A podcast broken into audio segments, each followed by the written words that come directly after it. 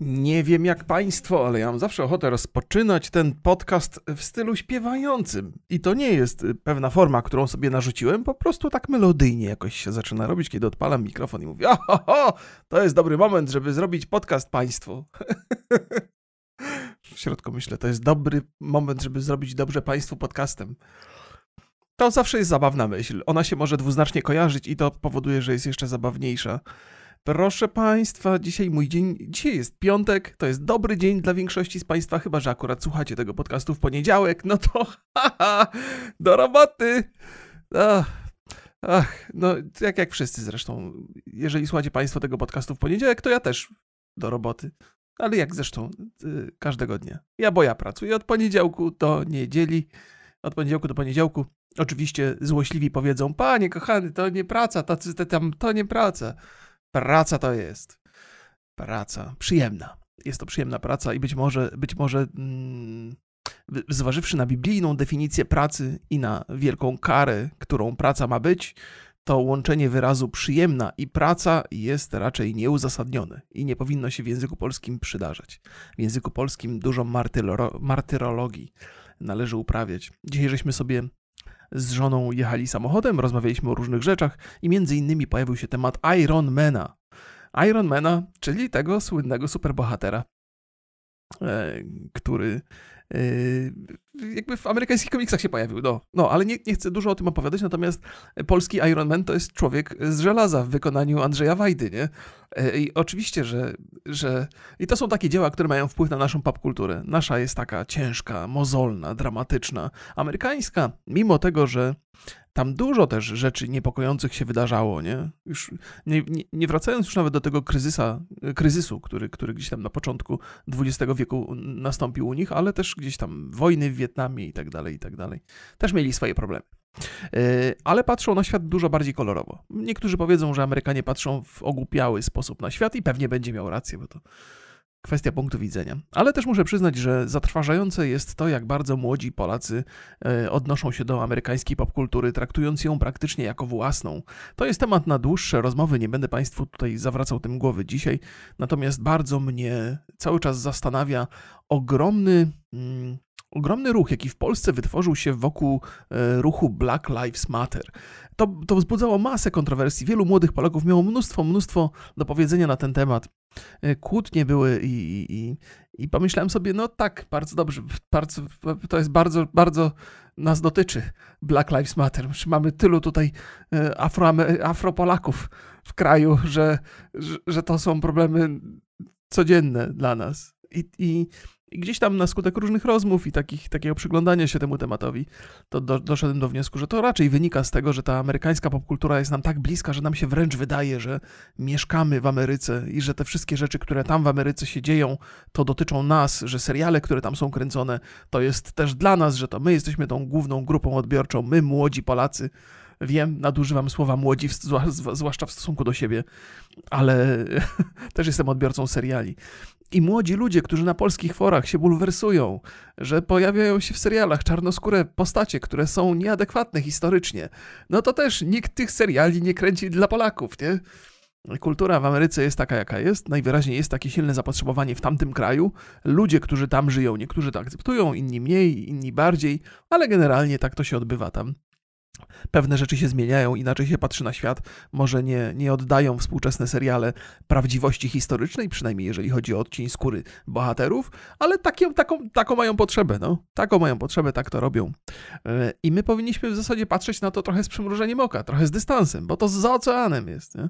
A, ale nie chciałem o tym rozmawiać, tak się rozgadałem tylko e, przypadkowo, zupełnie, bo to jest temat, który gdzieś mi siedzi po głowie, kiedyś będę musiał pogadać o tym więcej, ale może rzetelniej o tym pogadam, może z, z panem Borysem, Borysem nad, nad, tym usiądziemy kiedyś tematem i sobie porozmawiamy, bo to jest ciekawe. Ciekawi mnie niezwykle mocno, jak bardzo e, jak niezwy... tak, ciekawi mnie niezwykle mocno, jak bardzo młodzi Polacy przyswajają amerykańską popkulturę do tego stopnia, by się oburzać wraz z młodymi Amerykanami, by się zachwycać wraz z młodymi Amerykanami.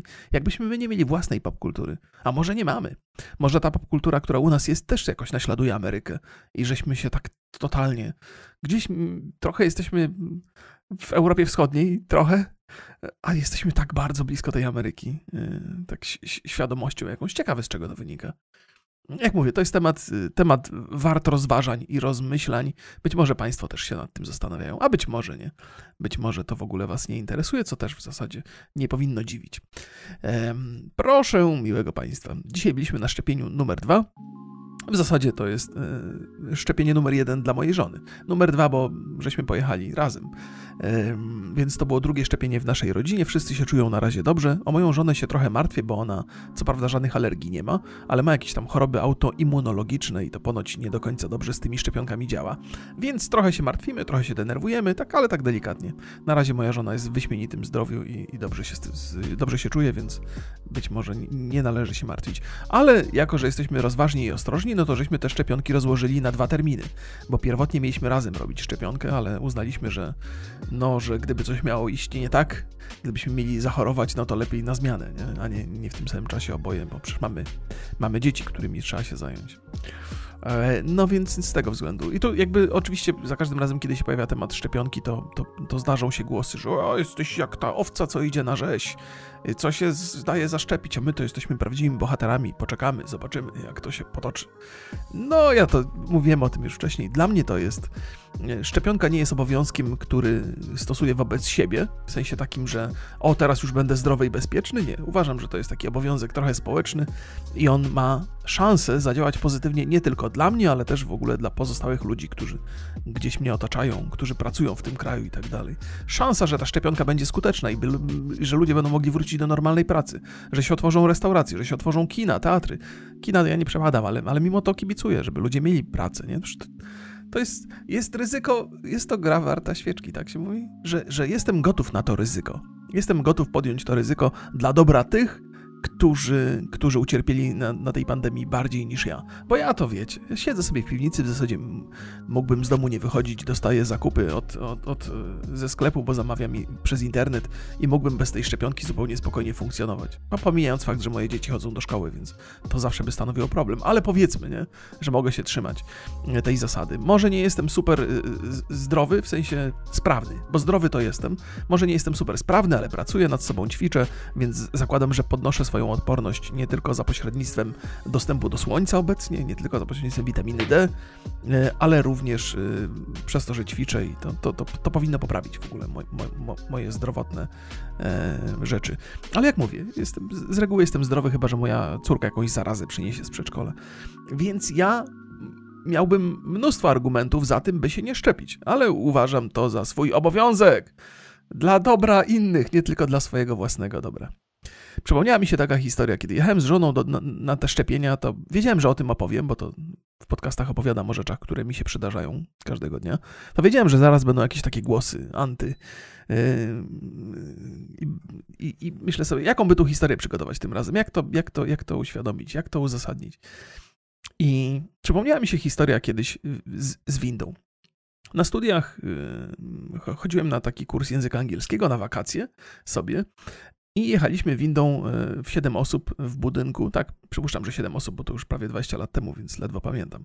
Ale było tam dwóch mężczyzn i pozostałe były kobiety. I było ich tam dosyć dużo. To była taka duża winda, trochę towarowa, więc e, sporo osób się zmieściło. I ta winda nagle się zacięła na, e, w, w pół piętra. No i siedzimy w tej windzie. Jako, że jest to weekend, znaczy, jako, że to są wakacje, to tam za dużo obsługi nie ma. Próbujemy się skontaktować, jakoś tam naciskać jakieś guziki. A to jeszcze nie są takie czasy, że ludzie mają telefony komórkowe. Ja chyba nie miałem wtedy na pewno nie miałem. Znaczy, nie przypominam sobie. Może miałem. Już mniejsza z tym, tak czy inaczej. E, z windy raczej się nie dzwoni za dobrze, więc nigdzie nie możemy się skontaktować, nie możemy się nigdzie dodzwonić. Więc no, trzeba samemu szukać rozwiązania. Patrzymy, czy na suficie jest jakieś wyjście z tej windy. No, niby jest, są takie szyby i tak przypominają nam się te filmy, te, te sensacyjne, że bohater wyskakiwał tam i potem e, ci źli strzelali w te drzwi windy, otwierają, a tam nie ma nikogo.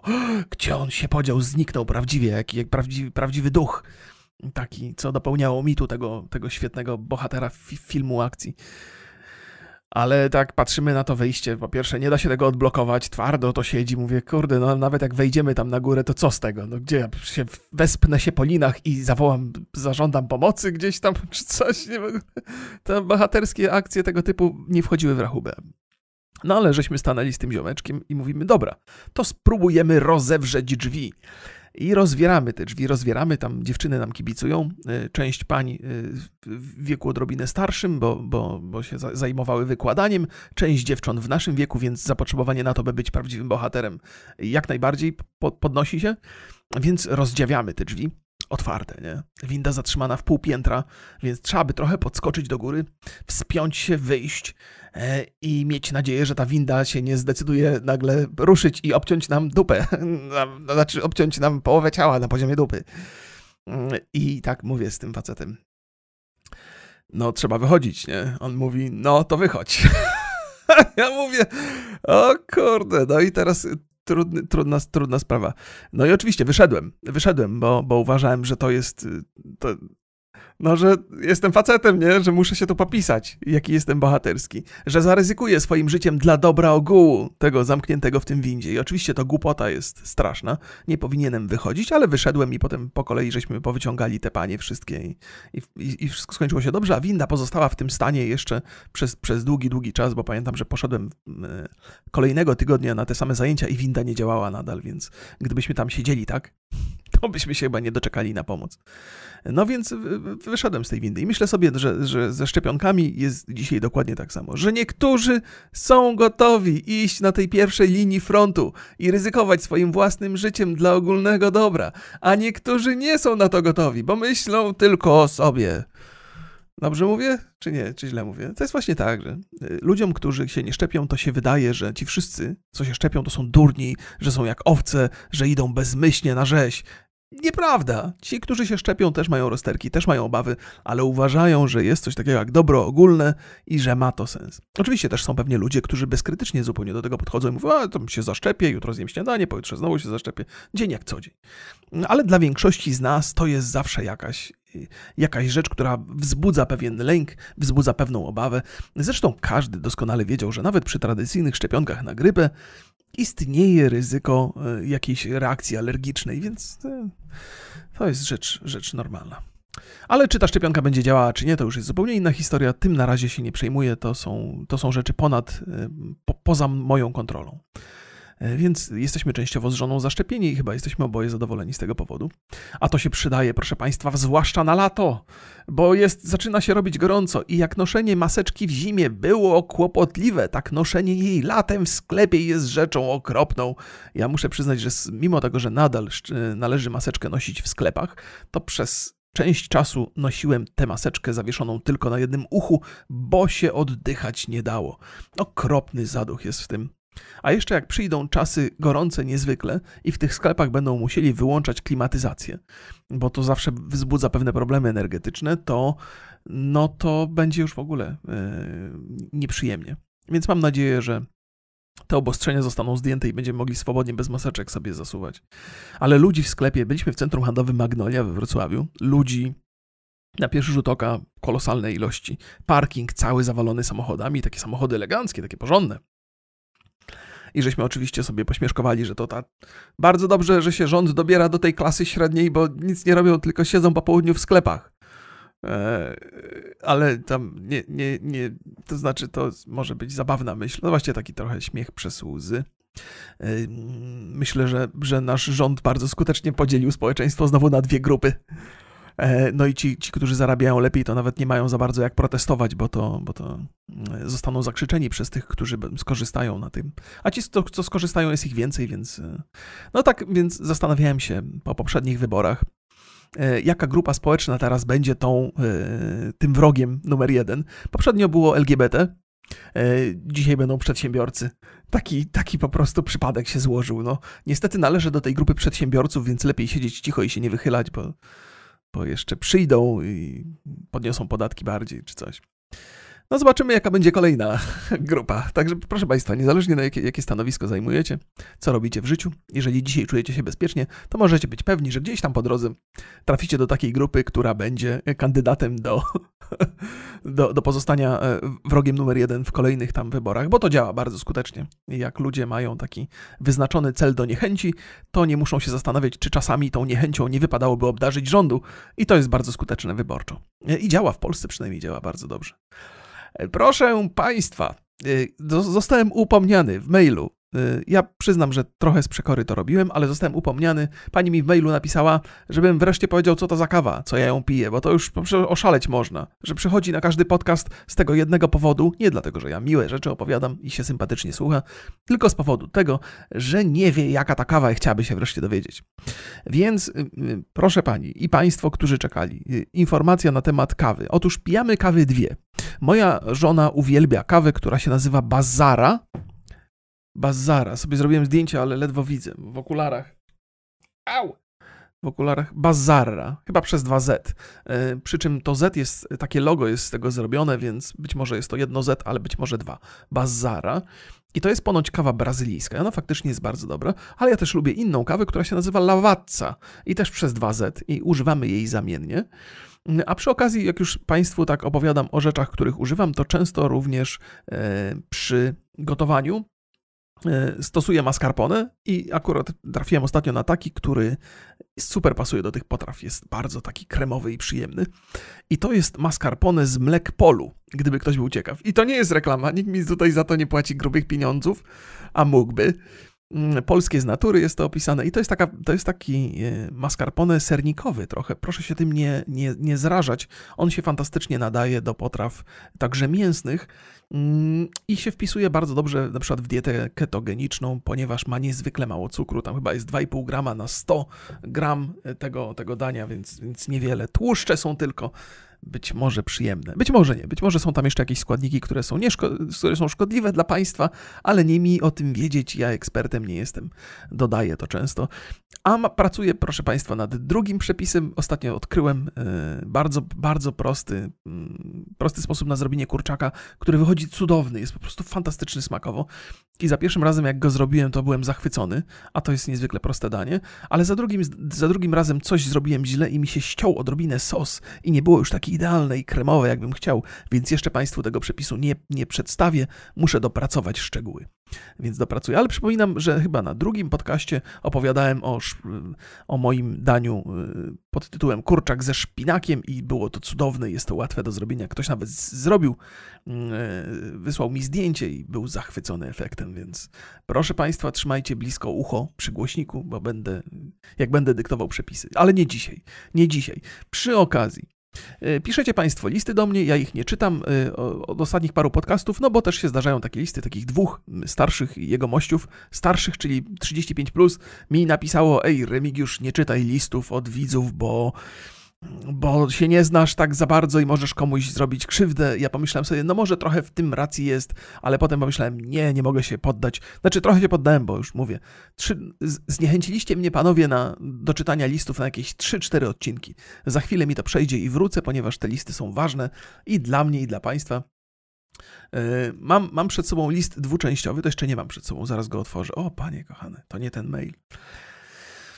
I przeczytam pierwszą część tego listu, ponieważ jeszcze nie czuję się w nastroju do tego, e, do tego żeby Państwu e, czy, czytać listy dalej. No mówię, te dwa głosy mnie tak zniechęciły trochę. Więc e, traktuję to, panowie drodzy, wiem, że macie dobre intencje, ale trochę żeście mi podcięli skrzydła i to, to mnie nie cieszy za bardzo. Nawet jeżeli macie rację, to, to mi to nie pasuje. Ale jakoś co mam zrobić, nie? No tak tylko mówię, że mnie łatwo jest zniechęcić, więc jak ktoś chce spróbować, to proszę uprzejmie. Więc y, pan Adam napisał do mnie tak, ja przeczytam tylko pierwszą połowę, bo, bo druga by była związana z, z, moimi dobrymi radami, a jak mówię, y, do tego zostałem zniechęcony skutecznie, więc przeczytam tylko wstęp, który jest bardzo, bardzo przyjemny. Y, nie dla mnie, ale on jest taki uświadamiający też. Być może tym panom 35 plus też coś uświadomi, ale, ale mm, mm, ale brzmi to tak. Zanim przejdę do swojego problemu, o którym ja nie będę zresztą, chciałbym zwrócić uwagę na kilka tematów, które Pan poruszał w swoich podcastach. E, I to brzmi tak. Najpierw chciałbym zwrócić uwagę na pisanie maili o swoich problemach do Pana. Po pierwsze, ludzie piszą do Pana, ponieważ jest Pan popularny oraz doświadczony w życiu. Po drugie, pisanie o swoich bolesnych przeżyciach jest skuteczną metodą regulacji swoich emocji, ponieważ prze pozwala przepracować te doświadczenia i pogodzić się z nimi, co wykazał Pennebaker w 1989 roku. Informacja od autorytetu w postaci pana jest dodatkowym atutem. Zatem, proszę Państwa, by obronić moje czytanie listów, nie do końca istotne jest to, co ja mam do powiedzenia, ale niezwykle istotne jest to, co Wy macie do napisania. I to jest właściwie najważniejsza wartość terapeutyczna tej całej zabawy. Ja się nie zamierzam tu bawić w psychoterapeutę, ale po pierwsze, dla mnie to jest ciekawa rzecz, do której mogę się odnieść. Po drugie, dla, dla części z Was jest to rzecz, która może trochę pomóc. Nie słuchanie moich rad, ale napisanie tego, e, tego co macie do, do napisania. Mm, I pan Adam, który do mnie napisał, jest studentem psychologii. E, oczywiście to nie czyni z niego jeszcze psychologa w pełni, ale jego wiedza jest już teraz pożyteczna, na przykład dla mnie. Więc to jest rzecz, która mnie, e, która mnie trochę zachęca do powrotu do tych listów. Pan Adam do, odnosi się także jeszcze do alkoholu, o którym opowiadałem. Pisze tak. Yy, chodzi o używanie oraz nadużywanie alkoholu przez mężczyzn. Może być to spowodowane techniką, jaką wybierają do regulacji emocji. Mężczyźni częściej wybierają dystraktory do regulacji emocji, np. używki, co przy dużej ilości może stać się główną formą radzenia sobie z problemem i doprowadzić do nałogu. To jest chyba taka opowieść o tym, że mężczyźni są bardziej podatni na to, ponieważ taką formę wybierają radzenia sobie z emocjami. E, no, więc, więc to jest dodatek do różnych rzeczy głupich, które ja mówiłem na ten temat. Ta jest zdecydowanie mądrzejsza. Ale e, to, to, to zamyka moje, moje opowiastki mailowe, chociaż mam ich tutaj kilka. E, ale to na później, to może poczekać. Jak wszystko czytam, dosłownie. Każdy mail, który zostali, został mi wysłany, przeczytałem. Niektóre odpisałem nawet. E, więc proszę się nie zniechęcać tutaj tym brakiem lektury z mojej strony. Mm, proszę Państwa, zauważam e, ostatnio w społeczeństwie, jestem takim obserwatorem społeczeństwa na to, zauważam e, wojnę płci i okej, okay, to jest, pewnie, pewnie powiecie, ej, to już od dawna. Otóż nie do końca. Znaczy, jak się siedzi w internecie, to tą wojnę płci można zauważyć, jest taka, mm, jest pewien taki no i jest, jest taki widoczny konflikt. On trochę został zapoczątkowany przez ruch mitu, ale tak naprawdę ruch mitu był efektem różnych innych działań, które zasługiwały na uwagę już od, od długiego, długiego czasu. Między płciami zachodzi pewna nierównowaga i być może jest to społecznie uzasadnione, być może nie. To jest rzecz, którą, którą się teraz y, w społeczeństwie obrabia i być może za jakiś czas wyciągniemy jakieś wnioski albo zmienimy swój stosunek y, do siebie E, może na, wyjdzie nam to na zdrowie, może niekoniecznie. No tak to jest ze zmianami społecznymi, że one następują i czasami ich konsekwencje są szkaradne, a czasami są pozytywne. Ja mam za każdym razem e, kibicuję i trzymam kciuki za to, żeby społeczne zmiany, nawet jeżeli one mi się w niektórych aspektach nie podobają, żeby miały pozytywny skutek, bo to nigdy nie wiadomo. Coś, co na pierwszy rzut oka wygląda jak coś negatywnego, coś złego, potem może okazać się bardzo um, popychające nas do przodu. To, to, to nie ma takiego badacza, socjologa, który byłby w stanie już dzisiaj określić, czy zmiany społeczne, jakie zachodzą, mm, będą korzystne czy niekorzystne w przyszłości. Ludzie, w ogóle społeczeństwo to jest żywy organizm i, i czasami jak się go podrapie z jednej strony boleśnie, to z drugiej strony coś dobrego się wydarzy. Nie? To tak zresztą jak z człowiekiem. Czasami pod ciężką presją działamy i się złamiemy, a czasami pod ciężką presją działamy i, i, i wyjdziemy do przodu, bogatsi, lepsi. Nie? Więc zakładam, że ze społeczeństwem jest tak, jak jest. Ja nie krytykuję różnych rzeczy, które się wydarzają, tylko ja obserwuję je, obserwuję, jestem ciekaw, jakie będą, jakie będą wyniki. Ale ta wojna płci e, w internecie niezwykle obecna, e, wydaje mi się, zaczyna się chyba pojawiać w świecie rzeczywistym. I myślę sobie, że może już dawno była, może za, ale, ale opowiem wam, e, na co zwróciłem uwagę. Otóż w związku z tymi szczepieniami e, e, jest, jesteśmy szczepieni z, z reguły przez panie. I przypominam sobie, że bardzo często w, w, męskim towarzystwie mam do czynienia z czymś takim jak, jak, jak żarty z, z, kobiet. Nie? To opowiadałem o tym, w tym nie ma nic negatywnego. To są, to są taki, taki, tacy po prostu faceci są, że lubią sobie z dziewczyn pożartować, zwłaszcza jak, jak są faceci po ślubie i, i żony ich z domu nie wypuszczają. To jest dla ich kumpli okazja do śmiechu, dla nich okazja, żeby się pożalić. Od tak po prostu to jest pewien, pewien sposób, w jaki mężczyźni sobie z tego rodzaju presją radzą. I to nie musi być jakaś zła presja. To nie chodzi o to, że kobiety mają złe intencje, nie chcą nas z domu wypuścić. Nie. Zawsze znajdziemy okazję, żeby się pośmiać, żeby pogadać. To, to, to jest dosyć niewinne.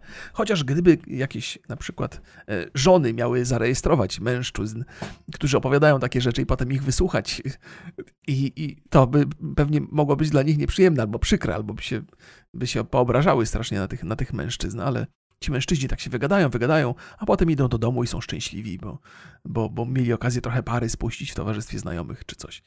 Więc, więc takie, tak sobie myślę, że takie obgadywanie kobiet w męskim gronie to nie jest nic nadzwyczajnego i to chyba nie jest żadne odkrycie, chociaż przypuszczam, że część osób, które słyszą to, co mówię, y, to mogą mi uczynić zarzut w rodzaju: A, tak nie powinno być, normalizujesz to, co jest złe, to jest właśnie przyczyna tych wszystkich problemów. E, może tak, no może tak, no ale nie wymagajcie. Ja, ja się urodziłem w 77 roku, patrzę na rzeczywistość w sposób e, charakterystyczny dla mojego pokolenia i pewne rzeczy oceniam inaczej. Szczęśliwie, szczęśliwie mój wpływ na rzeczywistość jest niewielki, więc nawet jeżeli moje spostrzeżenia są nietrafne, to raczej nie zarażę nimi zbyt wielu osób. Ale to mówię o niewinnych żarcikach. Natomiast zawsze wychodziłem z założenia, że dziewczyny też żartują z facetów.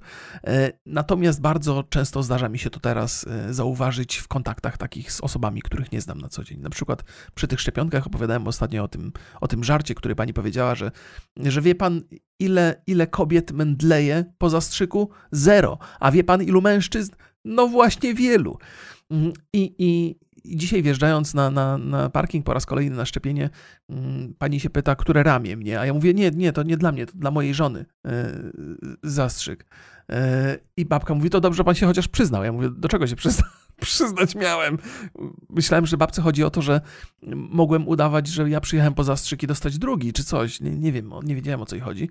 E, ale ona powiedziała, że ostatnio przejeżdżał tutaj facet właśnie z kobietą e, i powiedział, że jak on jakoś tak obcesowo powiedział o tej, o tej swojej, o tej dziewczynie, którą woził, że to dla niej, czy to, to dla tej, o, to dla tej, czy coś takiego, tak jakoś bezosobowo trochę.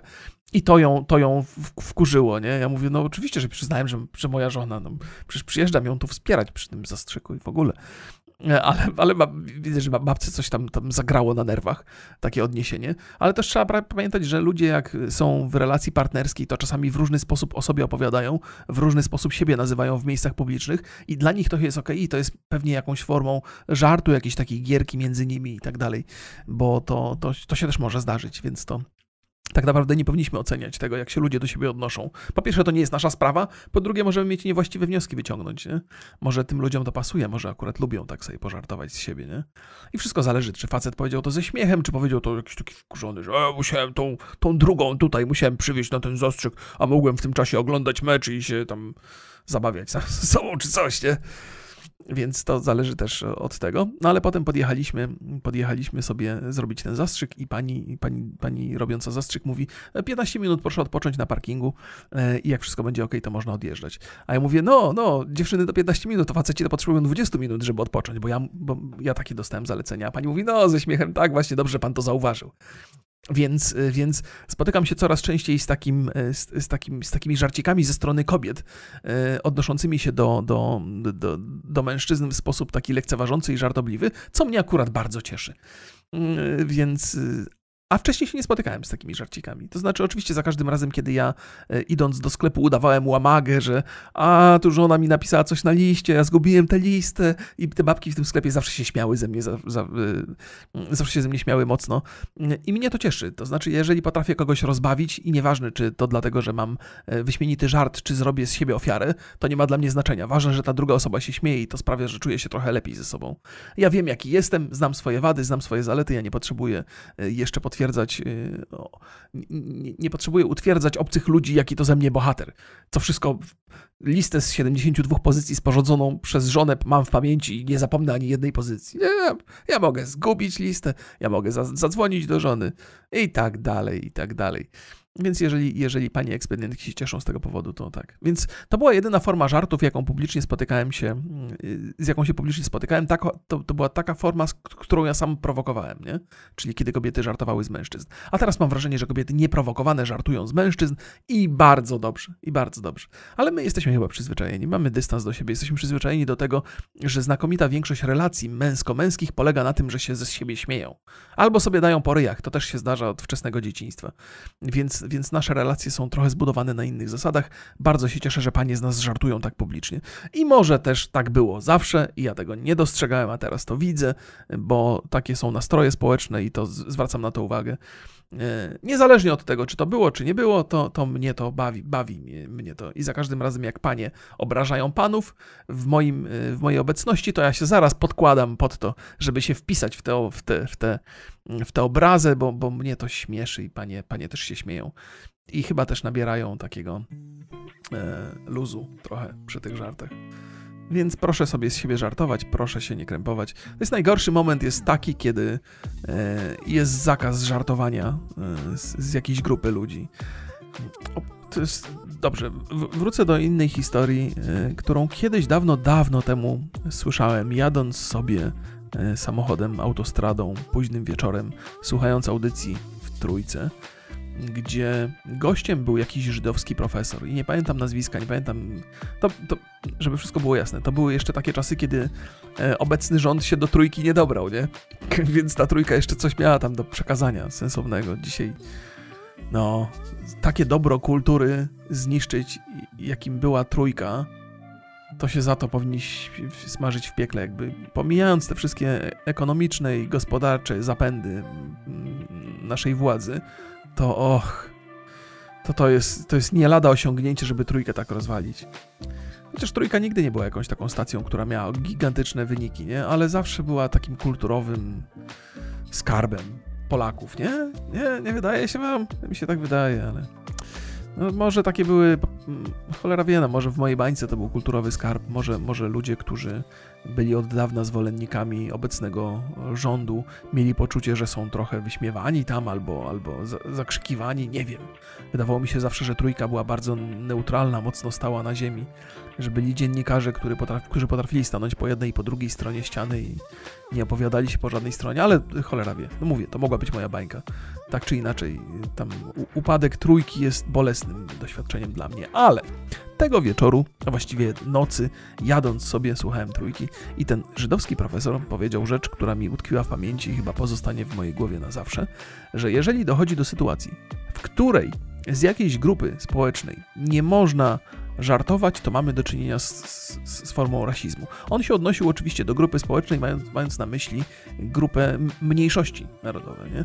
że jeżeli na przykład nie można żartować sobie z Żydów, to znaczy, że w tym, to, to jest jakby rozpoznawalne, że, że w tym kraju jest jakiś, jakiś, nie, jakiś problem na tym punkcie. Nie? nie nazwałbym tego od razu rasizmem, ale że, że sytuacja jest niekoniecznie dobra, że najlepsza sytuacja jest taka, w której ludzie się z nas śmieją i śmieją się z różnych powodów. Opowiadał też o różnych takich przypadkach mm, związanych z, z tym, jak, jak terapeuci podchodzili do, do swoich pacjentów, że czasami ośmieszanie ich było terapią mocno wstrząsową, ale niezwykle skuteczną, że musimy się nauczyć śmiać z siebie i musimy się od czasu do czasu postawić w takiej sytuacji, w której jesteśmy totalnie wyśmiani, tacy poniżeni wręcz e, tym śmiechem innych i że to pozwala nam spojrzeć na rzeczywistość z innej perspektywy. Nie wiem, czy jest to do końca dobra metoda i czy bym komukolwiek ją polecił, ale spotkałem się z takimi opiniami i, i spotkałem się z historiami, które pozytywnie się skończyły po takiej terapii, więc być może coś jest na rzeczy, ale powiedziałbym, Gdybym się miał zastanawiać na swój chłopski rozum, to powiedziałbym, że taka wstrząsowa terapia to w, w 9 przypadkach na 10 kończy się porażką, y, a od czasu do czasu skończy się sukcesem. To nie świadczy dobrze o tej terapii, ale, ale powiedzmy, że, że się nie znam, bo to jest tylko i wyłącznie mój chłopski rozum. Może ta terapia jest dużo skuteczniejsza niż mi się wydaje.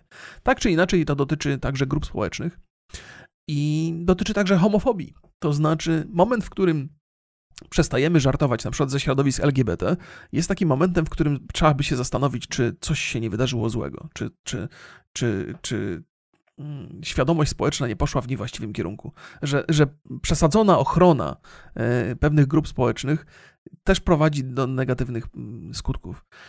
Ale też, kurde, wszystko zależy od jakości żartu, nie? Bo czasami, czasami żart jest taki, że śmieje się z człowieka i z tego, kim on jest, i to jest niewłaściwe, ale czasami śmieje się z tego, co on zrobił, i jest to, to właściwe.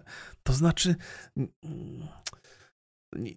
Jezu, ale wszedłem w temat. Tak zupełnie niespodziewanie dałem się wpuścić w pułapkę, dałem się wpuścić w baliny swojemu własnemu, nieskomplikowanemu umysłowi że jak się przewróci przedstawiciel y, LGBT, to jest to śmieszne tak samo, jak się prze, przewróci hetero, nie?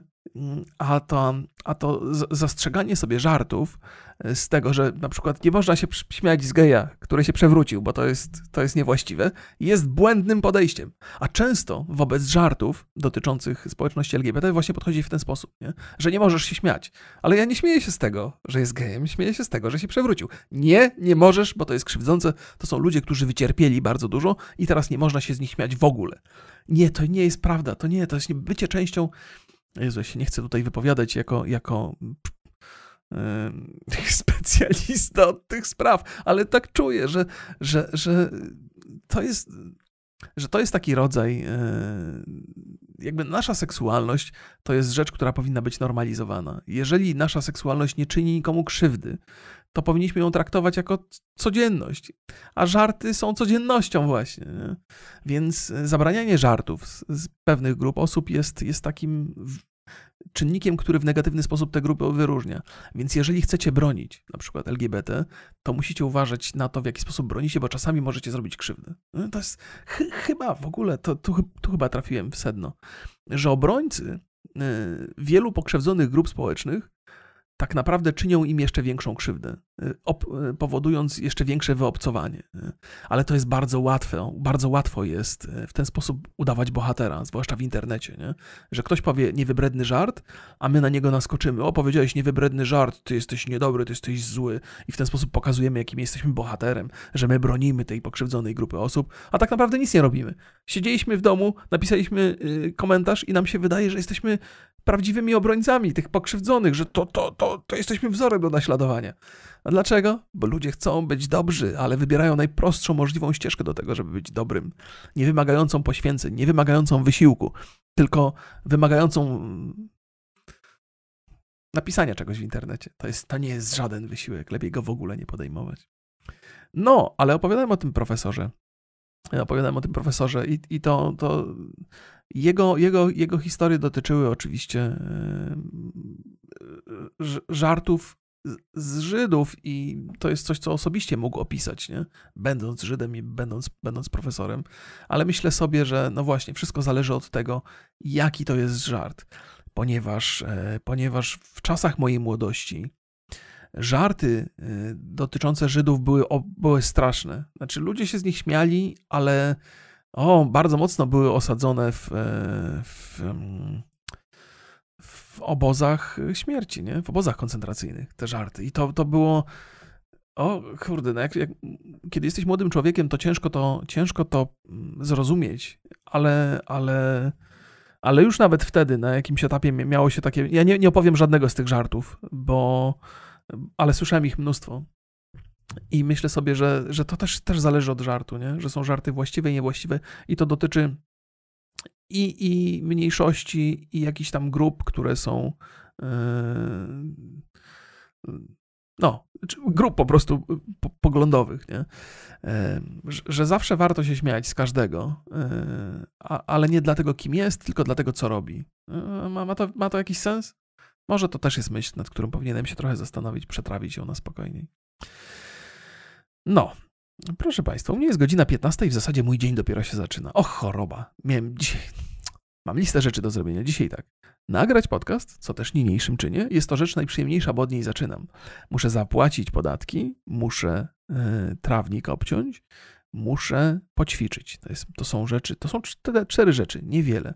Plus mam zaległy odcinek y, dla y, Polsat Games, który muszę zrobić, ale miałem problemy z komputerem, nie zrobiłem w tym tygodniu, więc y, muszę te zaległości nadrabiać. I nie wyrobię się ze wszystkim, ponieważ żona mi zagospodarowała bardzo dobrze dzień. Pojechaliśmy rano na to szczepienie, a potem poszliśmy do sklepu. I ja oczywiście, jak podjechałem do sklepu, zobaczyłem na ten parking pełen samochodów pięknych, to myślałem, że mnie szlak trafi. Godzina 12 była i mówię, tyle ludzi w tych sklepach, no przecież zwariować można, nie? O jakiej godzinie przyjechać do sklepu, żeby tylko kupić? Okazało się potem na szczęście, że w sklepie jest znacznie mniej osób niż parking by, by, to sugerował, ale jednak zatrważająca liczba osób jest, jest w tych sklepach o tej porze. Może wszyscy myślą w ten sposób. Pojedziemy o 12, jest mało ludzi, bo dużo osób teraz pracuje zdalnie, więc godziny pracy mają dosyć takie, takie luźne, więc, więc pewnie z tego to wynika. Ale łażenie po tym sklepie w tej maseczce było niezwykle upierdliwe i moja żona na końcu powiedziała, że też nienawidzi zakupów. Bo ja oczywiście wjechaliśmy na ten parking, ja się już wkurzam, ja już, ja już przeklinam, mówię, no nie mogę, nie mogę. A moja żona mówi, weź przestań, bo przecież wiesz, że to ja zdecydowałem, że przyjedziemy do sklepu i teraz źle się czuję, przecież to też na mnie jakoś wpływa. Ja mówię, no, no tak, masz rację, oczywiście nie powinienem, ale z drugiej strony pomyśl, Przyjeżdżamy do tego sklepu i od razu wybucham, mówię, co mi nie pasuje i potem zapominam, chodzę po tym sklepie z pewną, z pewną radością, bo jestem w twoim towarzystwie. A gdybym był takim ziomkiem, że trzymam to wszystko w sobie, to może za 3-4 lata bym powiedział, wy, wszystko by wybuchło naraz, te, te emocje, które nie znalazły ujścia i bym powiedział, to rozwód teraz, wyprowadzam się, pierniczę, będę sam mieszkał w jakiejś innej piwnicy, w jakimś innym miejscu. Więc może lepiej te, te emocje tak realizować natychmiast, Zwłaszcza, że moja żona nie należy do osób, które, które akceptują krzykaczy. Jak ja coś tam e, zaczynam się popisywać za bardzo, to ona mnie zaraz skontruje. Ja, ja trochę nabieram, e, nabieram trochę dystansu i, i luzu. E, więc ja od czasu do czasu wybucham, ona mnie od czasu do czasu ochrzani z tego powodu i potem cali szczęśliwi idziemy do sklepu. Zrobiliśmy zakupy, kupiliśmy naszej córce jakieś tam ubranka, jakieś, jakieś pościele do, do przedszkola, takie rzeczy, ale poszliśmy też do Starbucksa. I w zasadzie moja historia o kawie i powód, dla którego zdradziłem Państwu, z jakiej kawy, jaką kawę pijamy, miała doprowadzić do tej historii Starbucksowej, Starbucksowej do której dotarłem, uwaga, po 40 minutach. Otóż, proszę Państwa, w Starbucksie dzisiaj żeśmy kupili dobrą kawę. Yy, co się nie zawsze zdarza i nie zawsze było takie oczywiste. Jedziemy sobie po schodach ruchomych i nagle czujemy zapach kawy. Zaciągamy się mocno. Moja żona mówi: Czujesz? Ja mówię: Czuję, kochanie, czuję, to jest chyba dobra kawa. I moja żona do mnie mówi, patrząc mi prosto w oczy: To co, idziemy? Ja mówię: Tak, idziemy. Kawa to jest coś, do czego żona mnie przekonała po iluś tam latach małżeństwa. Ja nigdy kawy nie piłem, ale ostatnio zacząłem. Yy, kupiliśmy fajny ekspres, ja go bardzo lubię. Lubię, fajnie się robi kawę, przyjemnie, a przy okazji to jest taka złożona czynność. To nie jest takie proste, że wciskam guzik i już. No może jest takie proste, ale, ale mam poczucie, że mocno uczestniczę w tym mieleniu kawy i w tym wszystkim, co tam się odbywa. Nie wiem, jakiś taki czar picia kawy mnie pochłonął nie tylko w procesie picia kawy, ale także sporządzania jej.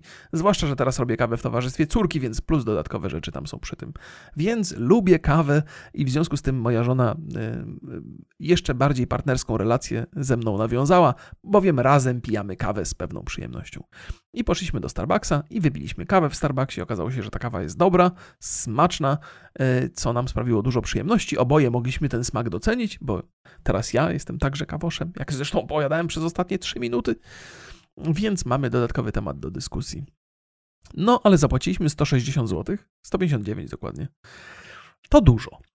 Y, zapytacie Państwo, dlaczego tak dużo za kawę? Otóż nie tylko za kawę, kupiliśmy także ciastko dla mojej żony w postaci croissanta, cro, croissanta, się, cross, croissant, nie? Croissanta. I ona zjadła to ciastko, ja się oparłem, żadnych słodyczy, nic. Wchodząc zresztą do Magnolii, żeśmy ustalili, że ja ostatni raz lody jadłem dwa lata temu, a moja żona mówi, no mężczyźni lubią lody. Ja mówię, o kurde, kochanie, taki żarcik to, to nie przystoi. To ja takie żarty powinienem mówić. I mówiłem, ale uznałem, że już teraz jesteśmy zbyt dojrzali, by sobie żartować, ale oczywiście pośmialiśmy się też z, z, z lodów w różnej postaci, które mężczyźni lubią. Jakby doceniam poczucie humoru mojej żony w tym zakresie. E, no i, no i, no i mówiła, no to może byśmy poszli na lody. Ja, ja, ja przyjrzałem się jej uważnie, żeby wiedzieć, żeby, żeby zrozumieć dokładnie, czy to jest nadal przedłużenie tego żartu, czy to jest autentyczna propozycja. To była autentyczna propozycja, ale, ale e, o, powiedziałem nie, jeszcze, jeszcze nie teraz. Jeszcze, jeszcze nie teraz nie będziemy jedli lodów, bo tam strasznie dużo cukru jest. A ja jeszcze muszę zrzucić paręnaście kilogramów, żeby się czuć bezpiecznie w kwestiach słodyczowych. Tak czy inaczej, Wracając do historii kawy. 159 zł wydaliśmy, bowiem kupiliśmy sobie także dwa kubeczki w Starbucksie. Każdy kosztował chyba 59 zł, co, co drastycznie wpłynęło na, na wartość tego, tej naszej kawowej wyprawy. I ja lubię kubki ze Starbucksa. To są w ogóle moje ulubione kubki. Mam chyba ze dwa. Bardzo żałuję, że będąc na różnych wojażach zagranicznych nie kupowałem kubków w Starbucksach, ponieważ bardzo często w takich Starbucksach, zwłaszcza w dużych miastach, są kubki charakterystyczne dla tych miast. I to byłby fajny skarb. Ja poznałem, poznałem e, faceta w San Francisco, z Polaka, który właśnie kolekcjonował kubki, miał ich cały zapas i teraz trochę mu zazdroszczę. Mm, więc bardzo lubię kubki Starbucksa, bowiem lubię logo Starbucksa. Fajne mają takie graficzne rzeczy na tych kubkach. I kupiłem sobie kolejny, to jest mój. I on jest taki, właściwie nic w sobie nie ma specjalnego. Państwo na Spotify nie zobaczą. To mi przykro. Nie wiem, czy Państwo na YouTubie zobaczą, bo nie wiem, czy to będzie. Tak czy inaczej, to jest e, biało-żółty kubek, no, biały na górze, żółty, e, się robi coraz bardziej żółty, zmierzając ku dołowi. I przy uchwycie ma napis Starbucks i nic więcej. I to mi się bardzo podoba. Ja lubię takie, lubię takie różne e, graficzne drobnostki na kubkach i cały czas myślę o tym, żeby wreszcie zrobić albo kubki Rock i Borys, albo kubki z mojego podcastu, pojęcia nie mam, ale, ale, ale to muszą być takie ekskluzywne produkty, że na przykład zrobię 100 kubków z jakimś logiem opracowanym od początku do końca, tylko i wyłącznie przeze mnie i one będą tylko do kupienia te 100 sztuk i nigdy, nigdzie więcej. Ja sobie jeden taki kupię i może ktoś z Państwa także sobie kupi taki kubek i będę na przykład raz na, nie wiem, dwa lata robił taką edycję specjalnych kubków. Nie zarobię na tym jakichś gigantycznych pieniędzy, w ogóle nie sądzę, żebym zarobił, bo to. Ale żeby mieć takie rzeczy, choć, choćby na swój, na, na, na swój własny użytek to, to żeśmy też rozmawiali z Borysem, jak to zrobić rozsądnie i najlepiej byłoby tak, że robimy coś w rodzaju kickstarterowej akcji, że jest do kupienia 100 kubków, jak się 100 kubków sprzeda, to przechodzimy do produkcji. Żeby nie, nie, nie bawić się w jakieś rzeczy, jeżeli Państwa to nie interesuje, bo ja też nie mam jakichś wielkich potrzeb, żeby ze swoim produktem, ze swoją marką lecieć do Państwa na koszulkach, ale może akurat kubki kogoś zafascynują, będziemy widzieli. 100 osób jest zainteresowanych, robimy dla 100 osób, koniec, kropka. A jak się okaże, że jest tylko 50 osób chętnych, albo 30, albo 12, albo 7, no to nie będziemy wcale robić, zwróci się pieniądze z systemem automatycznym i tak to będzie działało. No, ma to sens, nie? Bardzo jest to logiczne, ale i tak się za to nie zabieramy na razie. Tak czy inaczej, kupiliśmy sobie dwa kubeczki, jeden taki, który spodobał się mojej żonie, jeden taki, który spodobał się mi. Te moje Starbucksowe kubki muszą mieć logo gdzieś na zewnątrz. Moja żona wybrała taki, który logo ma w środku. Ja mówię, co to ma za sens, jak to ma logo w środku, zalejesz go kawą, nie będzie go widać. To nie jest w ogóle żadna, żaden dodatkowy aspekt graficzny na, na tych kubkach. No. Ale każdy lubi co innego. No więc w związku z tym, żeśmy zapłacili trochę więcej za te, e, za te kawy. Proszę Państwa, to jest niebywałe, jak ten czas leci przyjemnie przy tych podcastach. Mi, mi przy, przynajmniej, nie wiem jak Państwu, zakładam, że też nie najgorzej. Mam zawsze listę rzeczy, które chciałbym Państwu opowiedzieć. To jest taka lista, która jest zrobiona po to, byście Państwo się nie nudzili. To znaczy, na wszelki wypadek, jakby mi się słowotok urwał z powodów przeróżnych, to mam tutaj na liście rzeczy, które chciałbym Państwu opowiedzieć. I chciałbym Państwu powiedzieć o filmie, który moim zdaniem, albo który dla mnie jest najśmieszniejszym filmem, jaki w życiu oglądałem. Oglądam, oglądałem go wczoraj chyba z siódmy raz, może nawet częściej. I ja go uwielbiam. I to jest taki bardzo staroświecki film. E, głównymi bohaterami, głównymi aktorami, a się aktorami, którzy grają, grają główne role, są tam Jack Lemon i Walter Matthau. I to już, coś, to już jest coś, co powinno Państwa nakierować, bo to są cudowni aktorzy. Cholera, chyba Jack Lemon już chyba nie żyje. Um, może powinienem to sprawdzić, ale nie, oni dla mnie wiecznie młodzi i wiecznie żywi.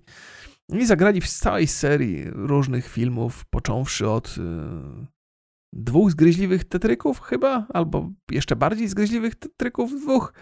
To, to było, ale najważniejszy film to jest Dziwna Para w języku angielskim Odd Couple. Pierwszy film chyba w latach 60. powstał, drugi w 93 roku i ten drugi jest filmem, w którym ja po prostu padam ze śmiechu na każdym dialogu.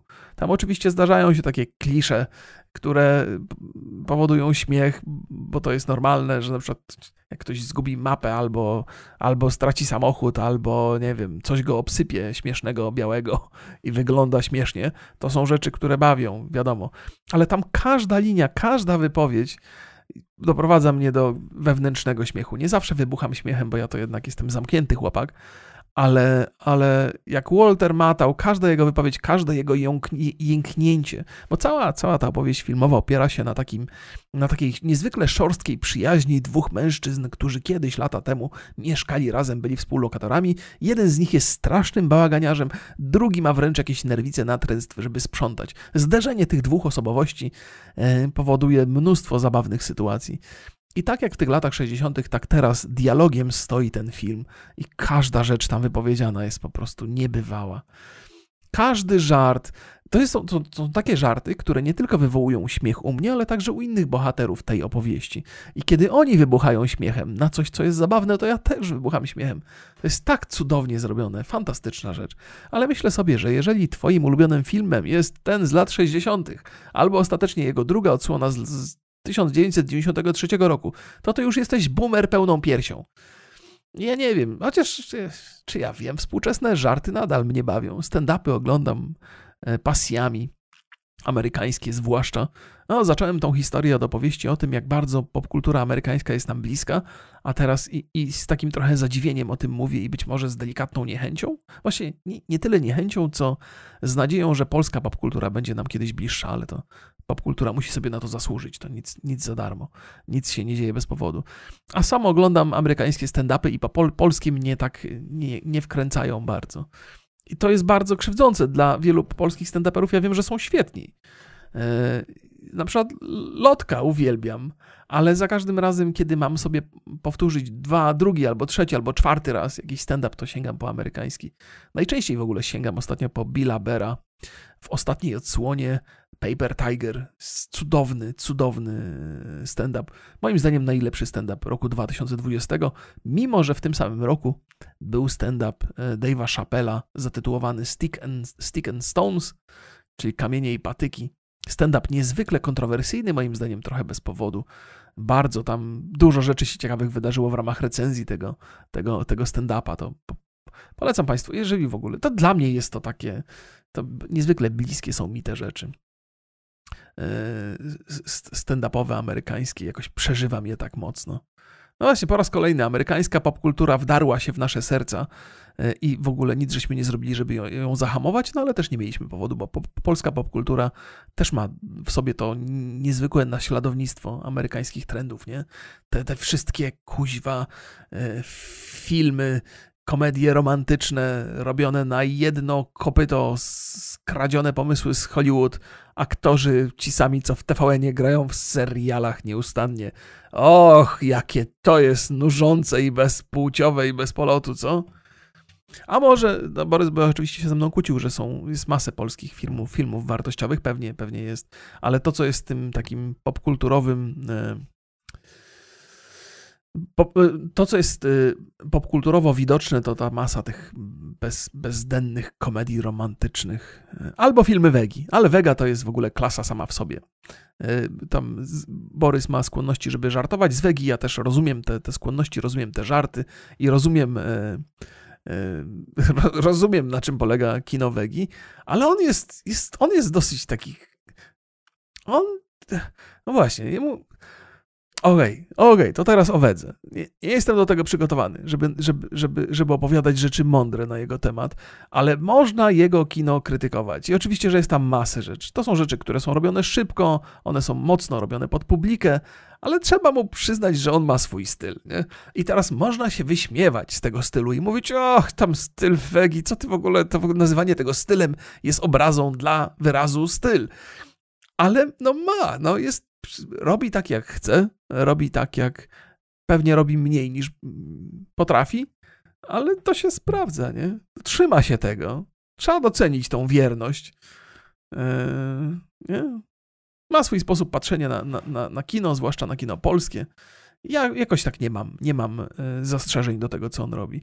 Mam mnóstwo zastrzeżeń do aktorów, którzy występują u niego.